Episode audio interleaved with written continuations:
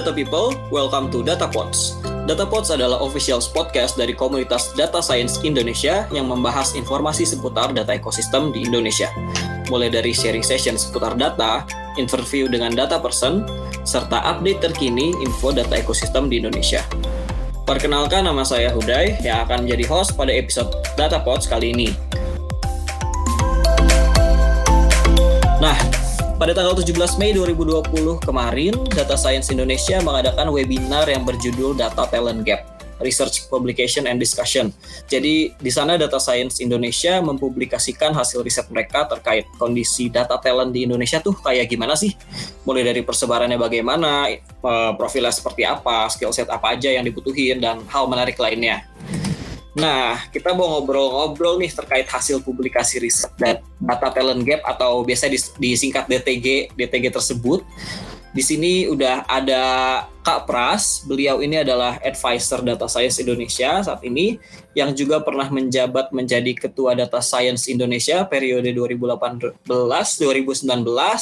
dan Kak Pras ini uh, pernah juga jadi narasumber di data, di data Pods itu episode pertama mungkin teman-teman bisa dengar episode pertama Data Pods kayak gimana itu ada Kak Pras juga. Halo Kak Pras, apa kabar? Halo Hudai. Uh, baik kabarnya. Terima kasih ya udah mengundang. Gimana kabarnya? Baik baik sama baik kak. Gitu. Alhamdulillah. Ya. Jadi uh, ini yang kedua kali di, di data pots ya kak ya? iya. Aku pas di ini undang lagi. Wah ternyata diundang lagi ke data pots tapi nggak apa-apa lah. apa. Karena sekarang uh, topiknya sudah beda. Oke. Okay. Sekarang udah beda. Ini topiknya menarik banget nih tentang data talent di Indonesia ya mas. Hmm. Iya oke. Okay uh, panggilnya Mas atau Kak, aja lah ya. Jadi terserah. Uh, yang penting senyamannya kamu aja. Uh, okay. Anything is fine. Oke okay, sip. Aja ya biar nggak tua-tua banget gitu. Padahal masih muda kan. Jadi harus kan. Oke. okay, Selalu okay. dong. Oke. Okay. Uh, biar teman-teman lebih kenal dulu nih kak, uh, mungkin kak Pras bisa perkenalan diri dulu, namanya, terus pekerjaan, lagi sibuk apa aja sih sekarang? Oke, okay. jadi uh, teman-teman uh, perkenalkan nama aku Pras. Uh, saat ini memang kalau dalam posisi sebagai DSI sekarang uh, ditugasinnya jadi advisor uh, dan juga kebetulan aku yang uh, waktu itu oversee ya sama supervise project dari Data Talent Gap uh, pada waktu itu. Terus secara profesional uh, aku sendiri sebenarnya bekerja sebagai public sector analyst uh, di suatu organisasi internasional. Memang latar belakang pendidikan sih emang computer science ya. Jadi ketika ngomongin isu uh, public sector management itu itu biasanya aku akan terlibat dalam isu-isu digitalnya. Jadi kayak contohnya digital government dan di dalamnya juga banyak isu terkait dengan digital skills. Jadi secara profesional maupun secara uh, kegiatan komunitas aku memang sangat apa passionate lah terkait dengan isu skill ini. Jadi makanya okay. uh, akhirnya kita bisa akhirnya setelah sekian lama bisa mengeluarkan namanya data talent gap ini. Oke, eh emang berapa lama sih kak waktu itu ini si riset data talent gap ini? Sebenarnya kalau mau dihitung ya dari pertama kali aku punya idenya tuh di 2016. Oh. di 2016 oh. itu memang yeah. mencari banyak cara ya. Waktu itu ngobrol dengan banyak orang, uh, akhirnya nggak bisa dapat-dapat juga, terus baru bisa terrealisasi benar-benar tahap pertama banget tuh seingat aku 2018. Jadi setelah uh, banyak tektokan, banyak perubahan, alhamdulillah kemarin bisa keluar juga lah setidaknya findingnya di finding awal sekali ini di Mei 2020 ya. Oke, betul emang butuh proses ya keluar bisa. Yeah. Oh ya, uh, sebelum ngobrol-ngobrol lebih lanjut nih kak, mungkin bisa dijelasin dulu dari Kapras secara singkat apa sih sebenarnya riset data talent gap ini gitu. Hmm. Terus apa sih tujuannya dari adanya riset DTG ini? Oke, okay. jadi uh, latar belakangnya sih lebih ke arah concern ya. Jadi kayak dulu waktu aku masih jadi ketua DSI sering banget dapat telepon gitu, dapat apa kayak pertanyaan baik dari pemerintah maupun dari swasta gitu ya terkait dengan berapa sih sebenarnya jumlah uh, data scientist di Indonesia ini ke depannya gitu. Kalau kita hmm. ingin mengembangkan profesi ini butuhnya orang berapa banyak sih? Nah, pertanyaan ini kan sebenarnya sangat menarik ya. Dan sayangnya pada waktu itu aku nggak bisa jawab gitu. Ya okay. jujur aja nggak ada tuh uh, dengan data yang ada sekarang gitu. Misalnya kita pakai hmm. survei macam survei Sakernas gitu yang dikeluarkan BPS biasanya. Ataupun kita bisa menggunakan data-data ketenaga kerjaan gitu yang bisa hmm. dikeluarkan swasta. Ya hmm. macam Kelly Service gitu kan. Banyak kan cuma ngomongin gaji. Tapi nggak pernah ngomongin kuantitas. Berapa sih orangnya tuh dan hmm. berapa kemampuannya itu seperti apa gitu. Betul, nah, betul. jadi kan awalnya dari dari ke apa pertanyaan tersebut jadi mulai berpikir kan sebenarnya kalau dipikir-pikir kita tuh nggak pernah memiliki statistik atau data ya terkait dengan pekerja data kita tuh berapa banyak sih, kualitasnya seperti apa sih, sehingga kita tuh nggak bisa membuat strategi yang lebih baik untuk ngembangin mereka. Nah, berangkat dari concern itu, dan pada saat itu kebetulan ada momentum yang tepat ya, jadi kayak waktu itu udah bisa menemukan network yang tepat, orang-orang yang tepat, kita cobalah men-tackle isu ini dengan cara yang uh, relatively sederhana lah. Uh, supaya kita setidaknya masih mendapatkan gambaran secara kuantitatif sebenarnya jumlahnya uh, pembagian kerjanya dan nanti pengembangannya tuh bakal seperti apa. Nah itu sih sebenarnya latar belakang sekaligus tujuan dari melakukan DTG ini. Oke, ya betul betul. Ya sih itu hmm, kebaya kebaya kebaya. Uh, uh, terus emangnya uh, yang diteliti di riset ini tuh apa aja ya kak? Jadi kalau misalnya pingin yang diteliti dari riset ini sebenarnya ada uh, beberapa poin ya. Cuman yang pingin aku highlight sebenarnya terkait dengan uh, pembagian profesi dari kelompok talenta data ini. Jadi kan kalau orang biasanya ngomongin data talent atau ngomongin data tuh langsung data scientist lah. Nah, uh, kita di DSI juga tahu kan bahwa nggak nggak cuma data scientist gitu kalau ingin mengembangkan suatu uh, talenta data, mem, apa, meng, menghasilkan value dari data itu kan nggak cuma data scientist orang ya. Betul, ada betul. data engineer, ada data analis, dan ternyata berdasarkan hasil uh, apa uh, pengumpulan data kami dan juga diskusi internal dengan waktu itu dengan beberapa ahli juga dengan beberapa uh, praktisi HR kita pun juga melihat bahwa tampaknya definisi data talent ini nggak cuma harus data engineer, data scientist, data analis gitu. Kita bisa expand ke dua keprofesian lain yang sebenarnya traditionally ini memiliki peran juga dalam menghasilkan uh, nilai uh, out of hmm. data yaitu salah satunya kita coba come up with the term business analyst sama term researcher ya kedua posisi ini kan pada dasarnya sudah ada dari dulu ya cuman hmm. kita melihat mereka sebenarnya bagian dari ekosistem data walaupun tidak semodern atau tidak se nge-hype ya, seperti data scientist, data analis, data engineer. Nah, dari lima itu kita mencoba melihat proporsinya di Indonesia tuh seperti apa sih, kemampuan mereka seperti apa, mereka bekerjanya di sektor mana aja. Nah, itu pertanyaan-pertanyaan yang coba kita gali. Jadi masih sangat deskriptif, tapi setidaknya kita bisa menjawab beberapa apa pertanyaan mendasar lah. Sebenarnya kalau kita mau mengembangkan mereka, caranya seperti apa, kurangnya mereka di mana, dan kira-kira di sektor mana mereka membutuhkan bantuan, dan gimana caranya kita juga bisa meningkatkan keprofesian ini di sektor yang kurang gitu. Misalnya kayak gitu. Oke, oke. Paham, paham. Berarti dibagi jadi lima tadi ya. Kayak ya. ada DA, data analis, data engineer, data scientist, ada bisnis analis sama researcher berarti ya. Betul, Betul. ya? Betul. Oke. Okay. Uh, eh, kenapa kenapa jadi ada lima kak? Terus uh, apa namanya? Kenapa jadi ada lima? Soalnya mungkin kan ada apa namanya? Ada profesi lain juga gitu. Mungkin kayak business intelligence atau yeah. data wrangler dan lain-lain gitu. Emang uh, terus siapa aja sih emang sebenarnya yang jadi responden dari sumber riset uh, sumber riset DTG ini gitu. Hmm. Ini pertanyaan bagus ya. Jadi dulu itu cara kita mendesain adalah kita sebenarnya mau sebenarnya mau dibagi menjadi dua tahap ya. Kita mau ngelakuin uh, riset tuh kita sebar online survey uh, untuk ke kelompok talentanya uh, orang-orang yang menjadi talent sama kita mau bikin survei juga itu nggak online tapi offline ke perusahaan-perusahaan terutama ke HR sama data manager untuk kita bisa triangulasi lah kira-kira kalau kita mendesain kepak apa kepakaran atau kelompok keprofesian tuh yang di lapangan tuh seperti apa sih sebenarnya gitu. Nah, cuman gara-gara corona kita membatalkan yang yang kedua. Oh, iya. jadi gak jadi kita kita batalin. Oh, jadi kita tuh iya, sampai iya. yang uh, online iya. survey aja. Nah, online survey ini kita juga menyadari ya, mungkin banyak biasnya, juga banyak sekali apa keterbatasannya gitu. Karena hmm. hanya cuman orang yang bisa menggunakan internet, cuman hmm. bisa orang yang uh, sangat tanggap dengan internet. Jadi kan bisa jadi kita mengeksklud beberapa beberapa orang ya. Cuman kalau kita ngelihat sebenarnya uh, hasil dari analisis kita tuh nggak terlalu jauh beda dengan benchmark global gitu. Kayak okay. contohnya ya, uh, sebenarnya kan kalau uh, Hudai sebagai data analis gitu ya, uh, sebagai teknologis gitu, pasti kamu tahu Stack Overflow kan. Nah, yeah, Stack Overflow itu juga sebenarnya punya survei global terkait hmm. dengan para tech workers. Hmm. Ya, kayak mereka melihat kayak komposisinya seperti apa dari umur, dari gender, dari usia, uh, eh sorry hmm. usia umur sama ya, dari usia yeah. terus dari lokasi, dari kepakaran. Nah, hmm. kita ngelihat kalau terutama dari usia ya kurang lebih sama lah. Jadi setidaknya kita menjaring di kelompok usia yang mungkin benar terkait dengan orang-orang dalam talenta data ini. Hmm. Nah, yang kedua adalah salah satu yang saya juga harus akuin kelemahannya adalah kita itu ketika mereka mengisi survei kita nggak minta harus memilih dari lima itu, tapi kita balik.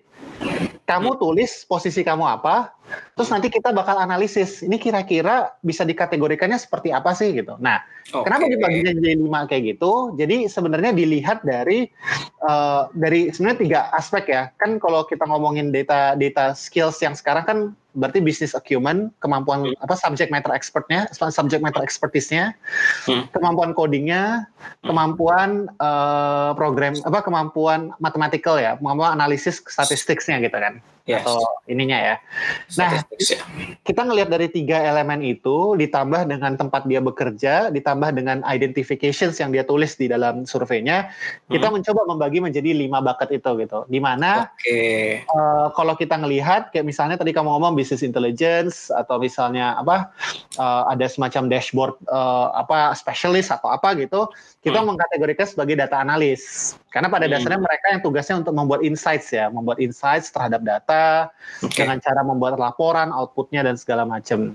Kemudian kalau data scientist yang biasanya lebih ke arah ngomongin ya mendesain apa algoritma, mendesain suatu model, biasanya outputnya berupa predictions atau apa gitu. Data engineer kita tahu yang mempersiapkan apa ekosistem data warehouse dan segala macamnya. Nah kemudian untuk researcher sama bisnis analis, nah ini menarik. Bisnis hmm. analis ini kita ngelihat bahwa kemampuan bisnis acumennya kita cari orang-orang yang kemampuan bisnis acumennya tuh paling dominan, hmm. kemampuan communicationnya juga paling dominan, tapi kerjaan dia emang tiap hari emang ngolah data juga gitu, walaupun tidak se tidak sekompleks, bukan tidak sekompleks ya, tidak se intensif dan sebagai data analis gitu. Dan kita okay. juga lihat researcher secara tradisional kayak ekonom gitu, mereka kan ngolah data sering banget kan, dan apalagi dengan data yang semakin banyak, mereka juga punya kemampuan seperti itu.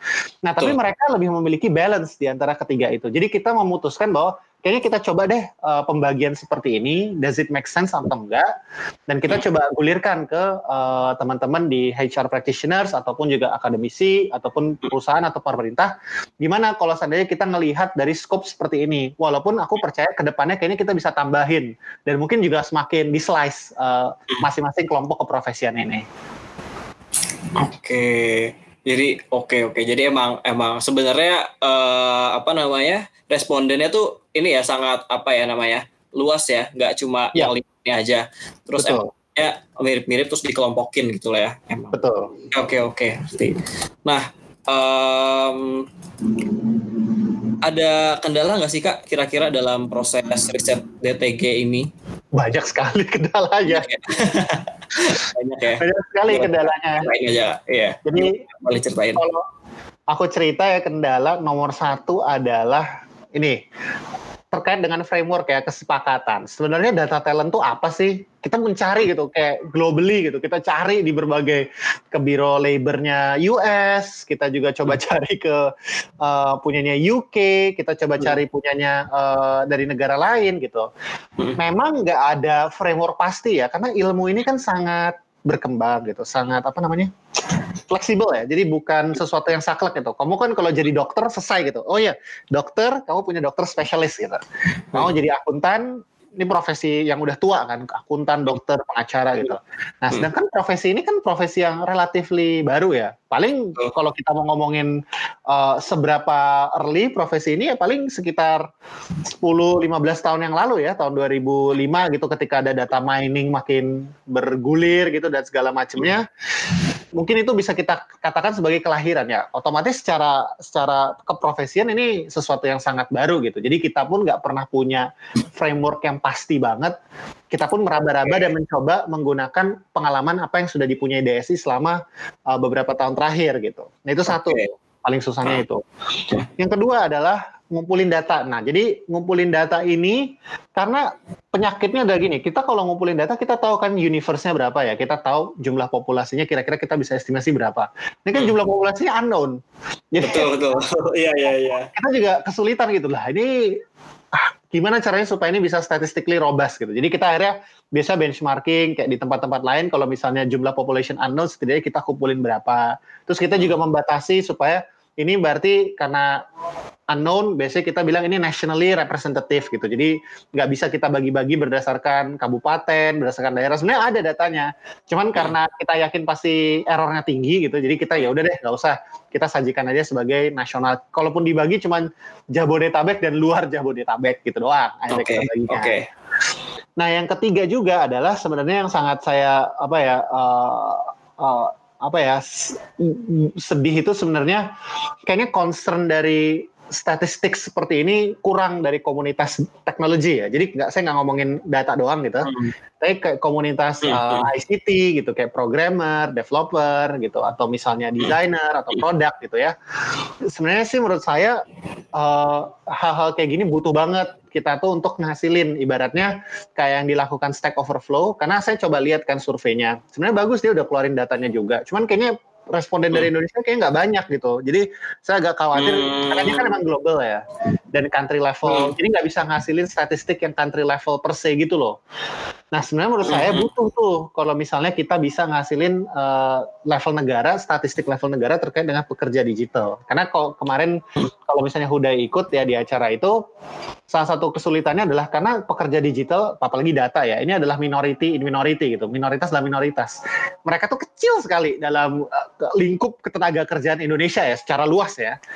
Tapi okay. mau nggak mau peran orang-orang ini penting gitu, apalagi di masa COVID ya, ketika kita akan semakin digital, ketika kita terpaksa harus distance begini, peran platform, peran data itu kan jadi semakin penting. Nah, gimana nih seandainya kalau nggak ada apa ya semangat atau nggak ada keinginan untuk terus menghasilkan informasi atau data yang berharga seperti ini untuk ngembangin komunitas kita? Berarti apa ya? Tadi saya sempat dengar juga tuh kak minority in minority ya.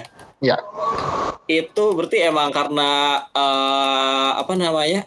Ada alasannya nggak sih kak tadi apa namanya? Nah. Um, alasannya data talent itu menjadi minoritas di dalam minoritas gitu karena apa ya kira-kira? Jadi kalau misalnya aku tarik ya nih misalnya dari apa yang sudah kita susun bersama gitu. Hmm. Jadi kalau teman-teman ngelihat uh, saya perlu ngecek lagi sebenarnya secara detailnya berapa. Cuman kayak misalnya gini, pekerja dengan uh, pekerja dengan karena sebenarnya gini, dari hasil survei kita bisa ngelihat bahwa teman-teman yang memang bekerja sebagai uh, data talents itu memang most likely adalah S1 ke atas.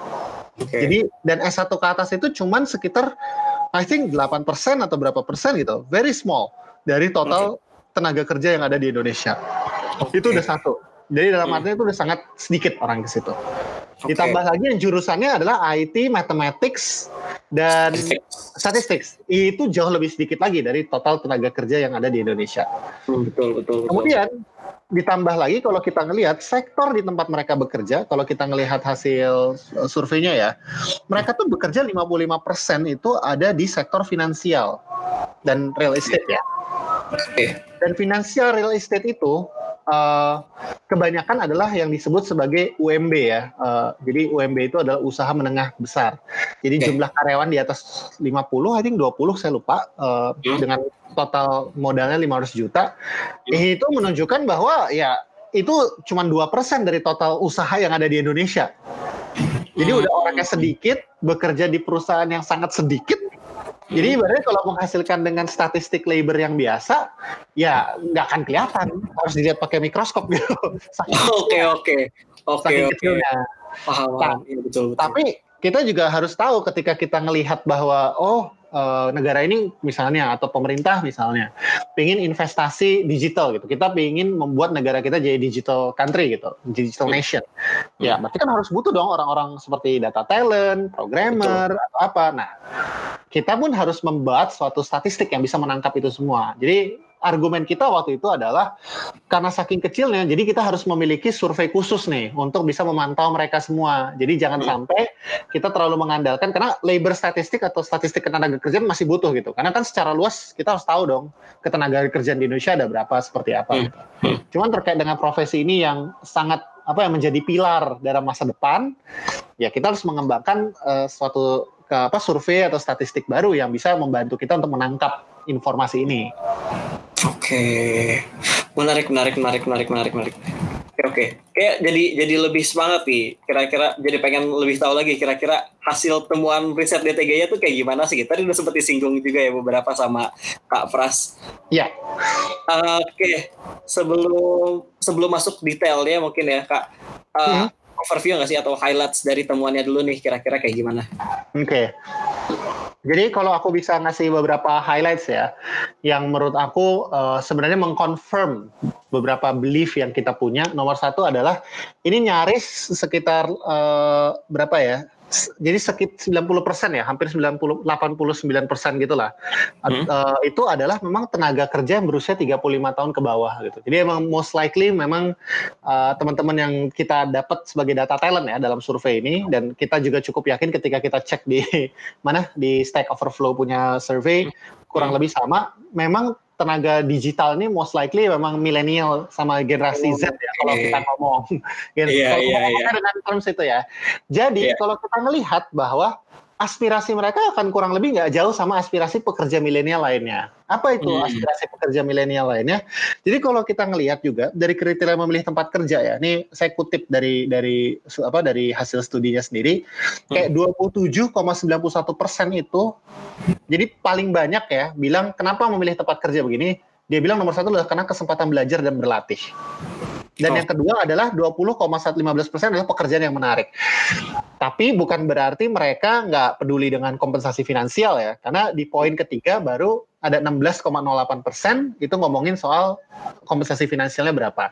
Nah kalau kita ngelihat ya dari millennial survey yang ada waktu itu pernah ada kan aku lihat yang uh, ID Media ya kalau nggak salah juga ada ngomongin soal itu.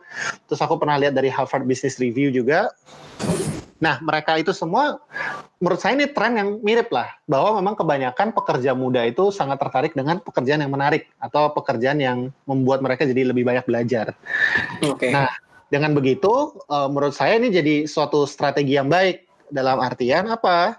Dalam artian uh, kalau misalnya ingin menarik talent hmm? penting tetap finansial, tapi bagaimana you can promote uh, pekerjaan ini gitu bahwa nanti kondisinya kita ada project yang menarik loh yang seperti apa hmm. jadi talent recruitmentnya itu mungkin akan lebih seperti itu nanti ke depannya hmm. fokusnya ke situ apalagi hmm. ketika mereka masih relatively muda ya aku yakin VP atau misalnya CDO pun juga kurang lebih umurnya 35-an gitu dan mereka hmm. pun juga pasti memiliki aspirasi yang serupa hmm. nah itu menurut aku sesuatu yang cukup uh, ini ya uh, mengkonfirmasi lah apa yang kita percaya gitu Oke, berarti kalau saya nggak salah dengar berarti ada di sekitar jadi mostly data talent di Indonesia ini didominasi milenial ya berarti ya kak ya? Di bawah ya. sekarang di bawah umur 31 sampai 35 terus uh, mereka uh, lebih prefer untuk bekerja di tempat yang punya kesempatan belajar dan berlatih lebih banyak berarti ya? Betul.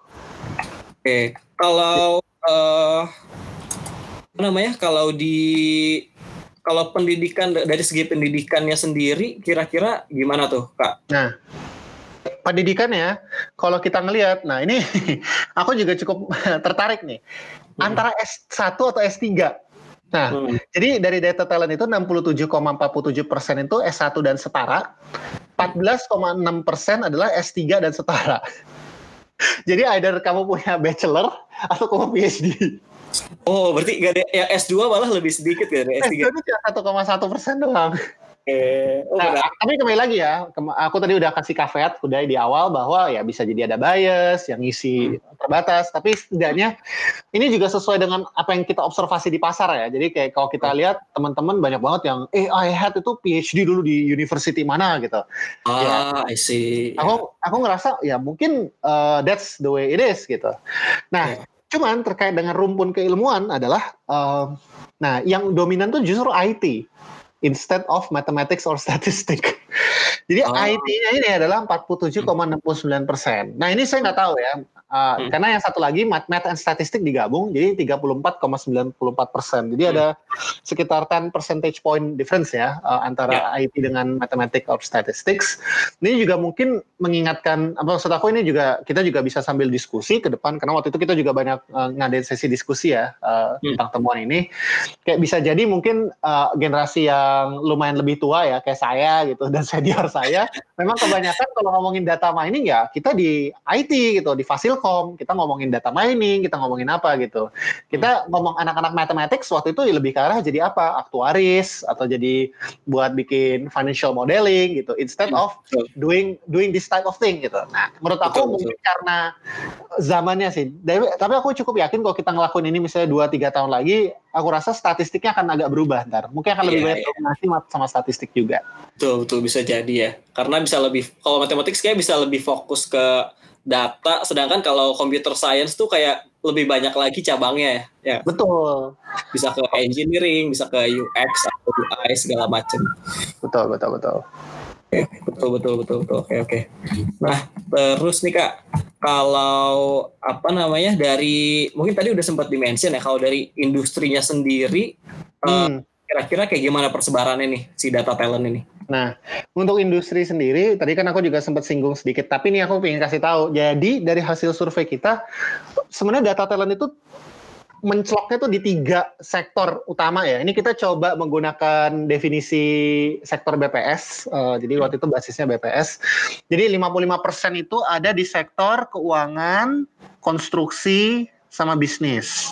Hmm. 22,96 persen atau 23 persenan itu sekitar ada di sektor jasa. Itu okay. bisa macam-macam itu.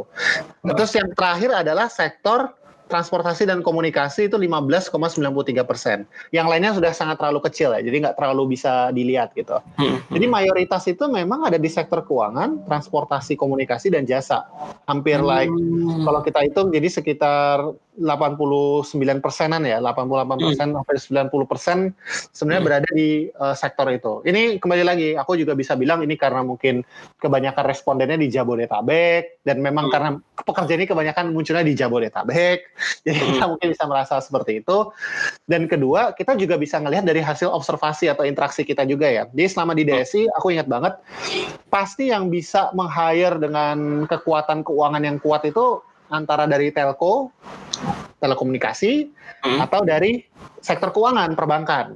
Hmm. Uh, nah kita nggak ngomong apa ya startup itu kan sebenarnya intersection ya, jadi nggak terlalu apa. Kalau kita ngelihat secara industri startup itu kan kecil banget ya sebenarnya. Cuman kita hmm. ngelihat di sektor-sektor ini sebenarnya memang harus diakuin mereka punya modal besar gitu. Mereka bisa belanja data warehouse, mereka bisa belanja database yang baik, yang merupakan prerequisite untuk meng-hire data talent kan. Kamu gimana cara jadi data talent kalau nggak ada datanya? Nah, betul, betul. itu gitu. Nah, kemudian yang aku pingin juga kasih tahu nih juga merupakan temuan yang agak menarik ya. Dari 55% itu kita kan coba bikin subsektornya ya. Di sektor keuangan itu kita pingin ngelihat gitu.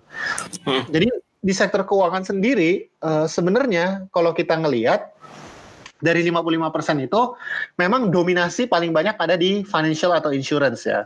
Kemudian okay. diikuti di consulting and data analytics. Nah, okay. yang ketiga adalah sebenarnya ini juga mengkonfirm pendapat kita gitu bahwa yang ketiga itu di dalam sektor itu eh, yang tadi aku bilang ada keuangan, insurance, layanan bisnis dan kawan-kawan, hmm. pemerintahan tuh masuk ke dalam situ dan pemerintahan dan government itu termasuk salah satu yang bisa menyerap oh. data talent. Menurut aku oh. itu mungkin banget, mungkin iya, banget. Iya. Kenapa? Karena mereka juga punya uang dan punya kebutuhannya, terutama untuk di daerah. Jadi oh, kita iya. melihat bahwa kayaknya memang di sektor-sektor ini yang sangat apa sangat punya jadi kita harus melihat bahwa sektor-sektor yang punya uang ini yang bisa membelanjakan untuk uh, kebutuhannya seperti itu gitu dan memang kontribusi ekonomi terutama di Jabodetabek ya sektor hmm. keuangan kan termasuk yang paling besar ya sebagai bagian hmm. dari PDRB kita di Jabodetabek. Oke, berarti memang sektor-sektor yang punya uang yang menyerap data talent lebih banyak gitu ya, kayak. Memang. Ya sih, ya betul karena memang apa ya butuh untuk data kan berarti butuh ada transformasi untuk um, jadi digital terus perlu data oh, cukup banyak juga segala macam gitu ya yang itu baru membutuhkan membutuhkan data talent di situ. Nah, kalau misalnya apa kamu udah ini misalnya coba gabungin ya dengan uh, informasi tadi terkait UMB ya, usaha menengah besar. Kalau hmm. kamu lihat kalau di antara sektor itu konsentrasi UMB paling gede itu ada di sektor keuangan. Jadi kayak 38% itu kebanyakan di sektor keuangan itu ada usaha menengah besar. Jadi hmm, uh, iya, iya, iya. ini ada korelasi yang sangat kuat ya bahwa mungkin kalau kita ngelihat kan kalau misalnya kita ngelihat dari GDP perbesar ya paling banyak kan masih jasa dan pertanian ya. Hmm. Tapi kalau kita melihat itu, kalau melihat dari data talent tampaknya bukan dari itu, tapi lebih ke arah konsentrasi perusahaan. Semakin banyak perusahaan besar di sektor itu, kemungkinan untuk menyerap tenaga data itu semakin tinggi gitu, semakin hmm. membutuhkan. Karena ya logika aja ya, karena perusahaan butuh makin gede, makin efisien, dia membutuhkan investasi digital, dan hmm. investasi digital membutuhkan pekerja data. Jadi menurut aku mengkonfirmasi lah kira-kira memang arahannya akan seperti itu. Oke, ya, menarik. Wah, mata saya jadi semakin terbuka nih, jadi semakin paham nih, Kak. oke, oke, oke. Paham, paham, paham. Menarik. Terus uh, lanjut ya, Kak. Ya. Terus uh, kira-kira si uh, apa si data talent data talent ini nih mereka mostly mencari pekerjaan tuh dari kanal apa ya kira-kira? Nah, kalau yang ini memang uh, LinkedIn lah yang menjadi sumber oh, uh, apa uh, sumber dari mata apa cara mencari kerja ya. Tapi yang kedua adalah sebenarnya dari referral atau recommendation. Hmm. Jadi uh, banyak sekali mereka mendapatkan pekerjaan tuh dari uh, rekomendasi orang gitu, dari apanya uh, dari referral. Eh nih kan kalau aku tahu biasanya kan teman-teman eh nih lagi buka nih kerjaan di mana gitu. Betul, betul, betul, nah, betul. Langsung di refer kan teman aja gitu. Nah, Sering banget kayak gitu. Bener, dan aku yakin pasti teman-teman kamu di tempat kerja kamu ini juga banyak yang seperti itu kan. Betul betul. Nah, kemarin waktu kita diskusi sama salah satu HR-nya HR dari suatu uh, startups, dia juga bilang ya memang karena kompetisinya tough banget, kita juga terpaksa harus lebih aktif kan mencari dan memang LinkedIn itu salah satu kanal ya paling mudah untuk mencari talent.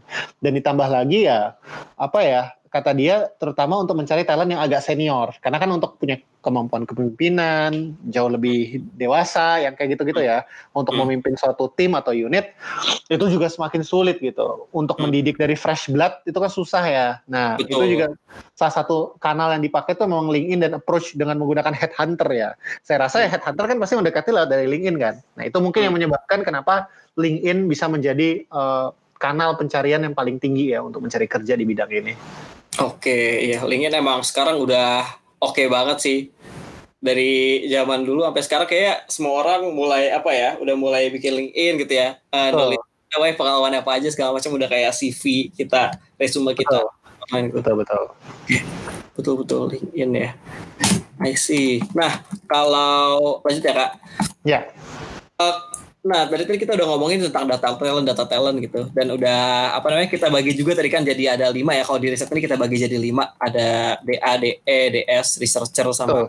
analis gitu. Nah, sebenarnya skill set dari masing-masing data talent ini tuh kayak gimana sih kak?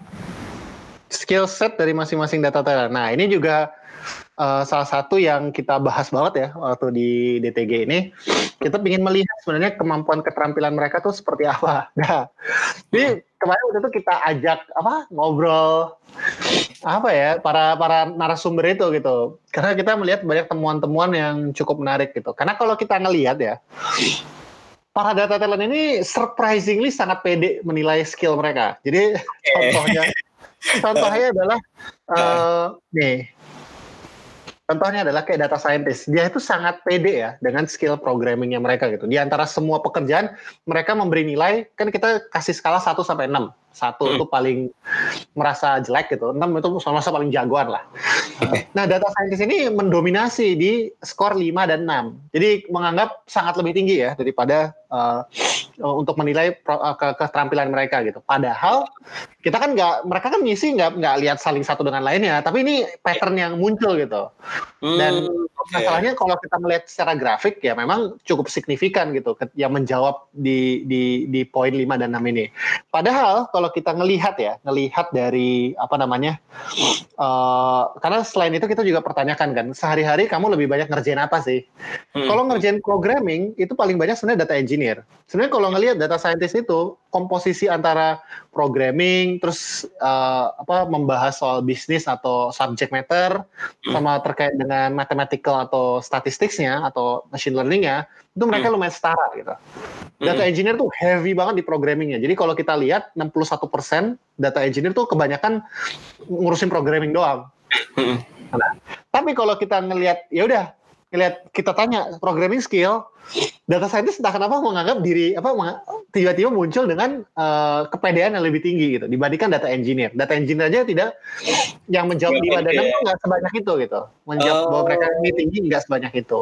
Okay, nah, okay, okay, waktu itu kita coba tanyain apa yang menyebabkan hal seperti ini ya? Oh, mungkin karena kebanyakan dari yang jadi data scientist sudah run through many different path gitu yang memang uh, tough gitu yang memang udah teruji gitu jadi mungkin itu yang menyebabkan mereka bisa ya gue cukup percaya sih kemampuan Ki gue sebenarnya sangat bagus lah gitu.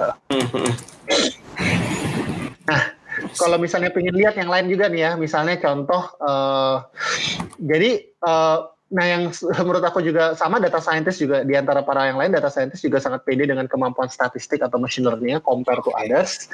Hmm. Nah, yang kemampuan bisnis dan komunikasi gini, jadi nggak semuanya itu sebenarnya kan setiap hari harus melakukan berkomunikasi atau ngomongin oh. subject matter kan ya. Hmm. Bisnis analis lah memang yang paling sering ya melakukan hmm. itu. Cuman kalau kita membandingkan ke semua grup, mereka cukup pede menilai bahwa kemampuan berbisnis dan komunikasi mereka baik gitu. Hmm. Ya tentu kita nggak bisa confirm ini ya, karena kan kita pengennya waktu itu adalah eh, bisa kita konfirmasi nggak result ini ke HR ya, bener nggak sih mereka kayak gitu, jadi lebih kaya kan. Hmm. Cuman waktu pas diskusi pun kita juga nggak bisa menjawab itu ya, karena ini kan sangat subjektif ya. Apa yang bisa dianggap orang jago bisnis gitu atau jago yeah, bisnis yeah, logik yeah. atau gitu kan kita nggak bisa tahu ya. Iya. Yeah. I see, I see. Berarti apa namanya? Um, sebenarnya kalau kalau dengar dari tadi DS nih kayaknya pede banget ya di skill programming sama kalau machine learning emang harusnya mereka pede sih karena mostly harusnya mereka uh, ngelakuin hal tersebut gitu ya. Nah dari sini kelihatannya kayak menarik nih kak. Uh, kalau dengar dengar dari apa namanya apa namanya kalau dari kak Pras sendiri tadi sempat mention juga kalau DS tuh kalau ditanya-tanya mereka tuh udah run through berbagai macam hmm. bla bla sehingga mereka uh, pede di programmingnya gitu kan ya kak. Betul. Nah sebenarnya uh, ini ini juga sebenarnya ada di benak saya sih. Sebenarnya ada nggak sih kak? Maksudnya ini kan skill set antara DA, DS, DE itu kan banyak yang beririsan ya.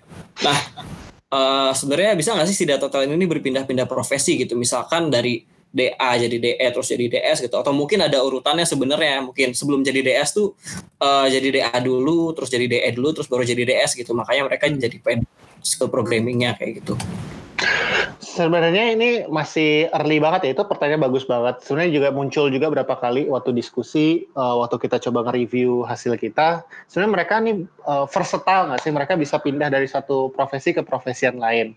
Jadi kalau kita ngelihat uh, uh, sebenarnya di masing-masing profesi kalau kita ngelihat ya ada salah satu pertanyaan di risetnya kan kamu lebih heavy ngapain sih gitu skill set yang sering kamu pakai apa sih hmm. itu memang ada porsinya jadi kayak misalnya bisnis analis of course paling banyak soal bisnisnya ya hmm. soal komunikasi subject matternya gitu hmm. kamu jadi data engineer kamu lebih fokus mana sih programmingnya gitu hmm. jadi menurut kita adalah sebenarnya uh, berpindah tuh mungkin aja hmm. cuman ketika berpindah orang yang pindah ini harus tahu bahwa pekerjaannya ini akan nature-nya berbeda banget dengan pekerjaan yang kamu punya sebelumnya dan akan fokus kepada satu uh, keterampilan tertentu. Okay. Tapi bukan berarti kamu nggak bisa ngerjain itu gitu, tapi kamu harus fokus ke keterampilan itu. Jadi kayak misalnya seorang data scientist, tadi kan pede ngomongin programming gitu. Ketika hmm. dia jadi data engineer ya, of course you have to focus on your engineering skill yang lebih banyak codingnya, lebih banyak nge-setup desainnya, konfigurasi dan segala macam. Hmm. Kamu dulu jadi uh, bisnis analis, sekarang kamu ingin jadi data analis ya, berarti kamu harus ngembangin kemampuan analisisnya, statistiknya, juga harus bisa codingnya dan segala macam. Nah, berpindah itu menurut kita sangat dimungkinkan dan mungkin juga salah satu solusi untuk menutup uh, kekurangan ya dari uh, talent yang ada gitu. Walaupun pindah dari satu tempat ke tempat lain itu dalam artian gini, ada satu kelompok profesi yang mudah lebih mudah berpindah dari tempat yang lain. Kita ngeliat kayak data scientist mungkin akan lebih mudah ya untuk pindah ke tempat lain gitu. Hmm. Cuman kalau yang tidak heavy kemampuan coding, programming atau bisnisnya ya uh, otomatis dia harus bekerja lebih keras lagi ya supaya bisa hmm. menutup uh, gap untuk bisa mengisi posisi yang uh, diharapkan dia pindah. Nah itu lebih ke arah uh, ini sih mendesain strateginya sama learning path-nya ya dan menurut aku ini juga sangat tergantung dari kondisi perusahaannya. Hmm. Tapi kalau bisa ditanya secara singkat lagi, misalnya apakah pindah itu mungkin versatile atau mungkin, mungkin untuk beberapa kelompok keprofesian tertentu, terutama yang memang well balanced, karena dia lebih mudah untuk uh, memfokuskan diri di posisi barunya.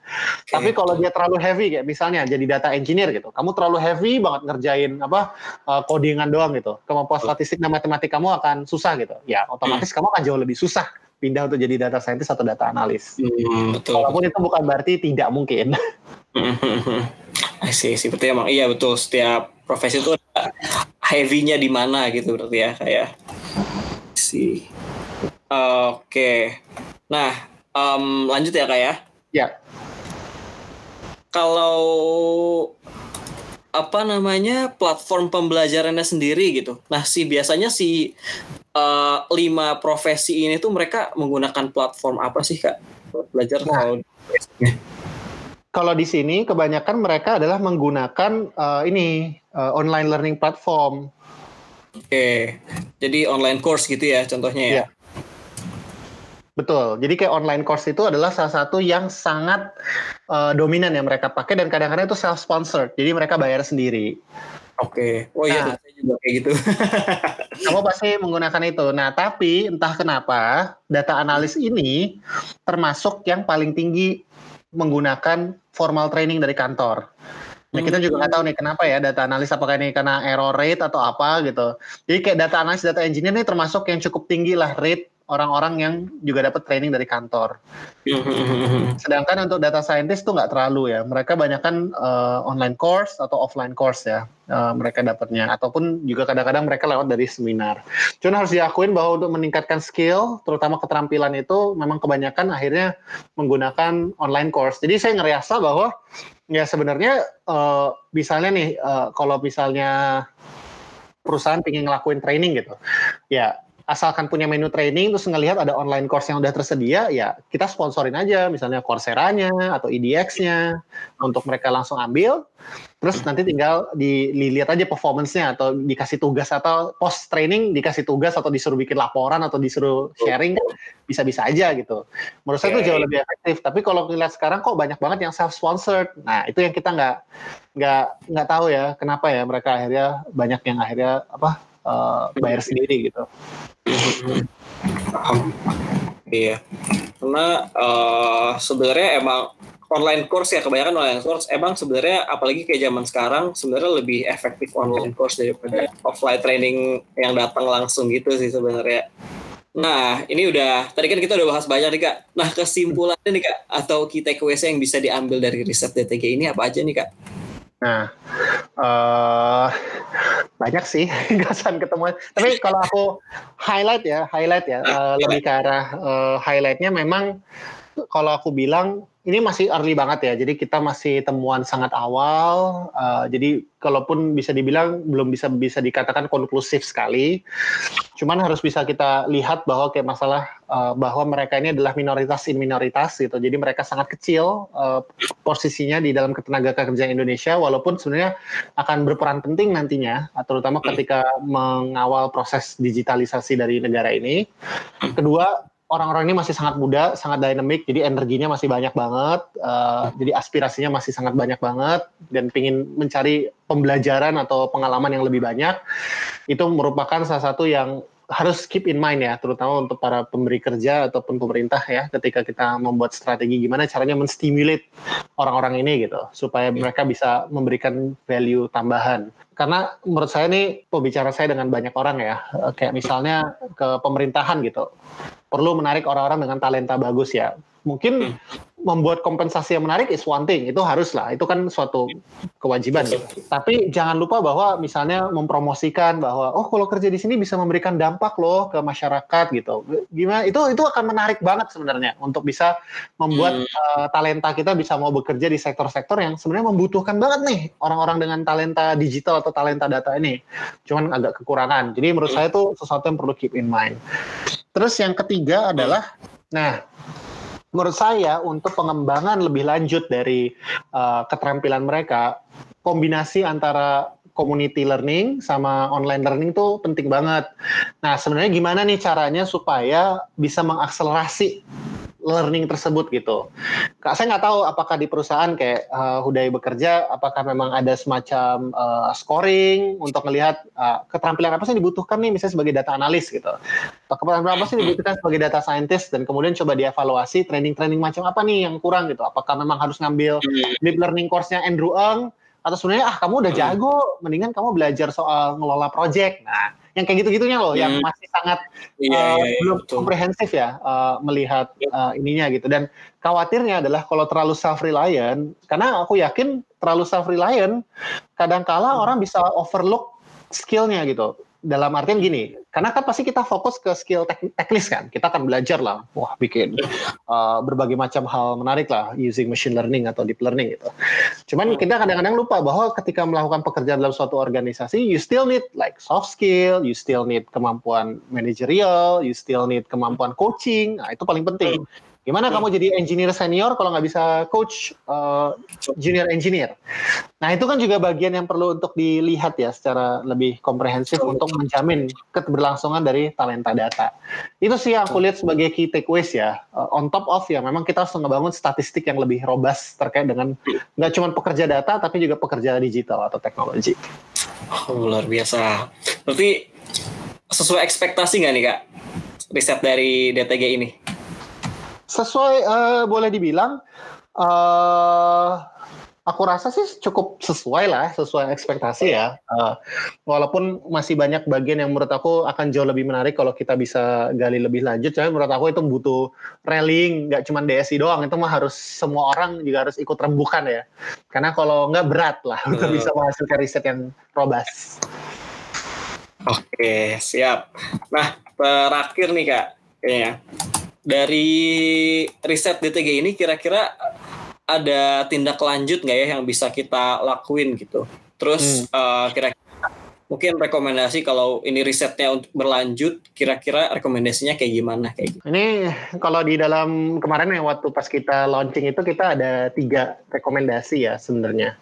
Nomor satu, hmm. nah ini kita selalu bilang bangun basis data dari pekerja teknologi ya dan mengeluarkan statistik okay. pekerja digital atau pekerja teknologi secara berkala. Ini menurut aku sesuatu yang emas uh, hmm. dan jadi ini beyond our community ya, beyond data talents. Kita ngomongin soal kebutuhan cyber security berapa, kebutuhan cloud architect berapa, kebutuhan developer berapa. Nah itu we need that kind of statistics. Uh, we need that kind of uh. statistic. We need that kind of uh, apa career path, uh, apa apa framework skills yang dibutuhkan seperti apa.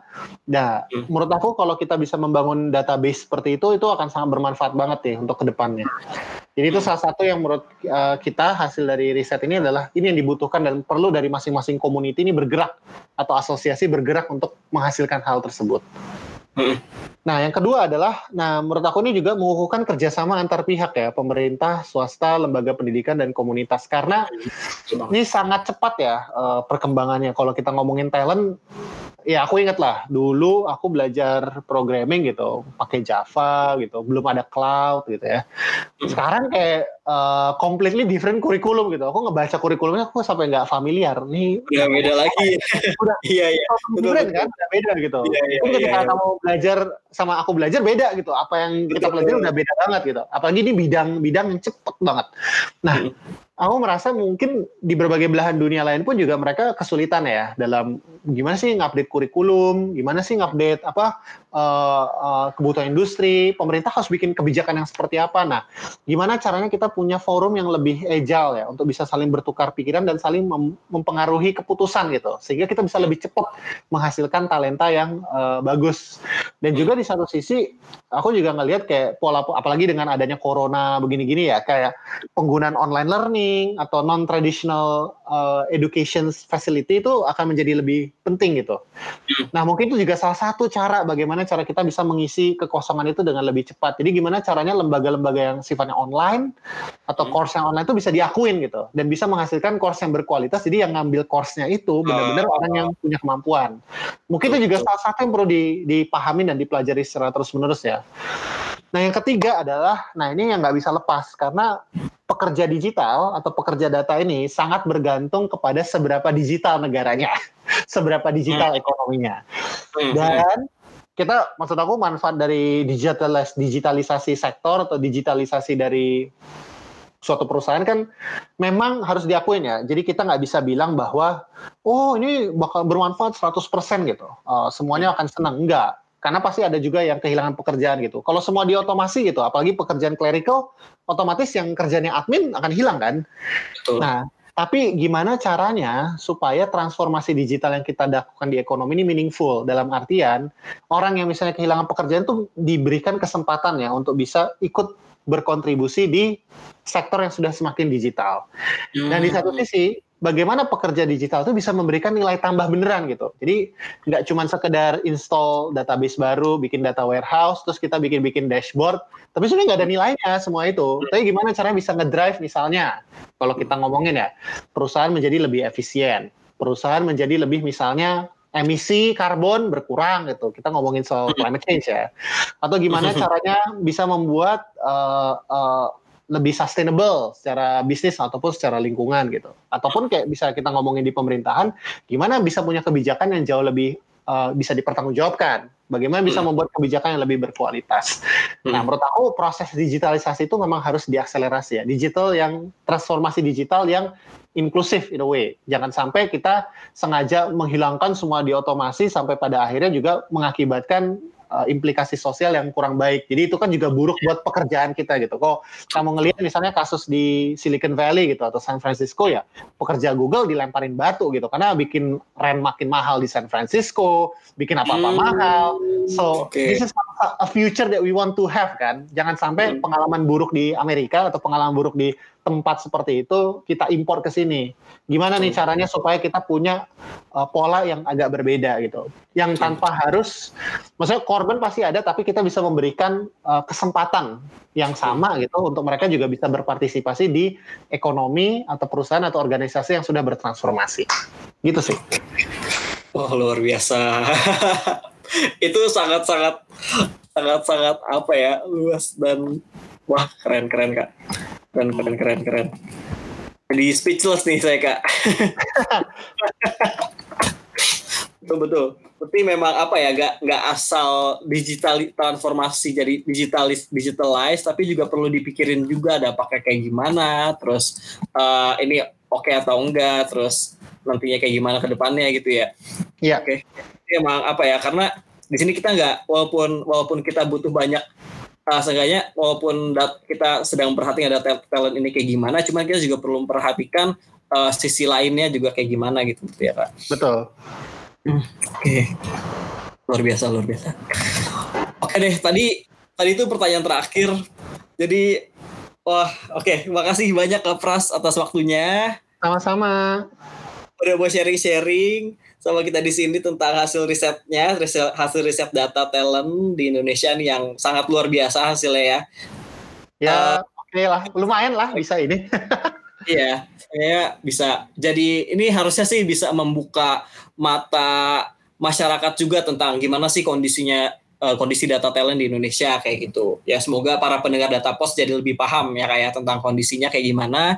Terus mungkin jadi bisa ikut membantu juga gitu atau terinspirasi juga mungkin untuk jadi data talent atau mungkin uh, ntar bisa membantu risetnya ke depannya jadi lebih oke okay lagi gitu karena ternyata uh, data talent di Indonesia itu masih menjadi minoritas dalam minoritas lah ya kayak gitu betul oh ya terima kasih juga untuk uh, teman-teman semua yang sudah mendengarkan data pods kali ini buat teman-teman yang mau memberi saran feedback atau mungkin saran data person yang bisa kita ajak wawancara bisa langsung aja email kita di datapods@datascience.or.id dan jangan lupa ikuti terus Instagram Data Science Indonesia di @datascienceindo. Oke.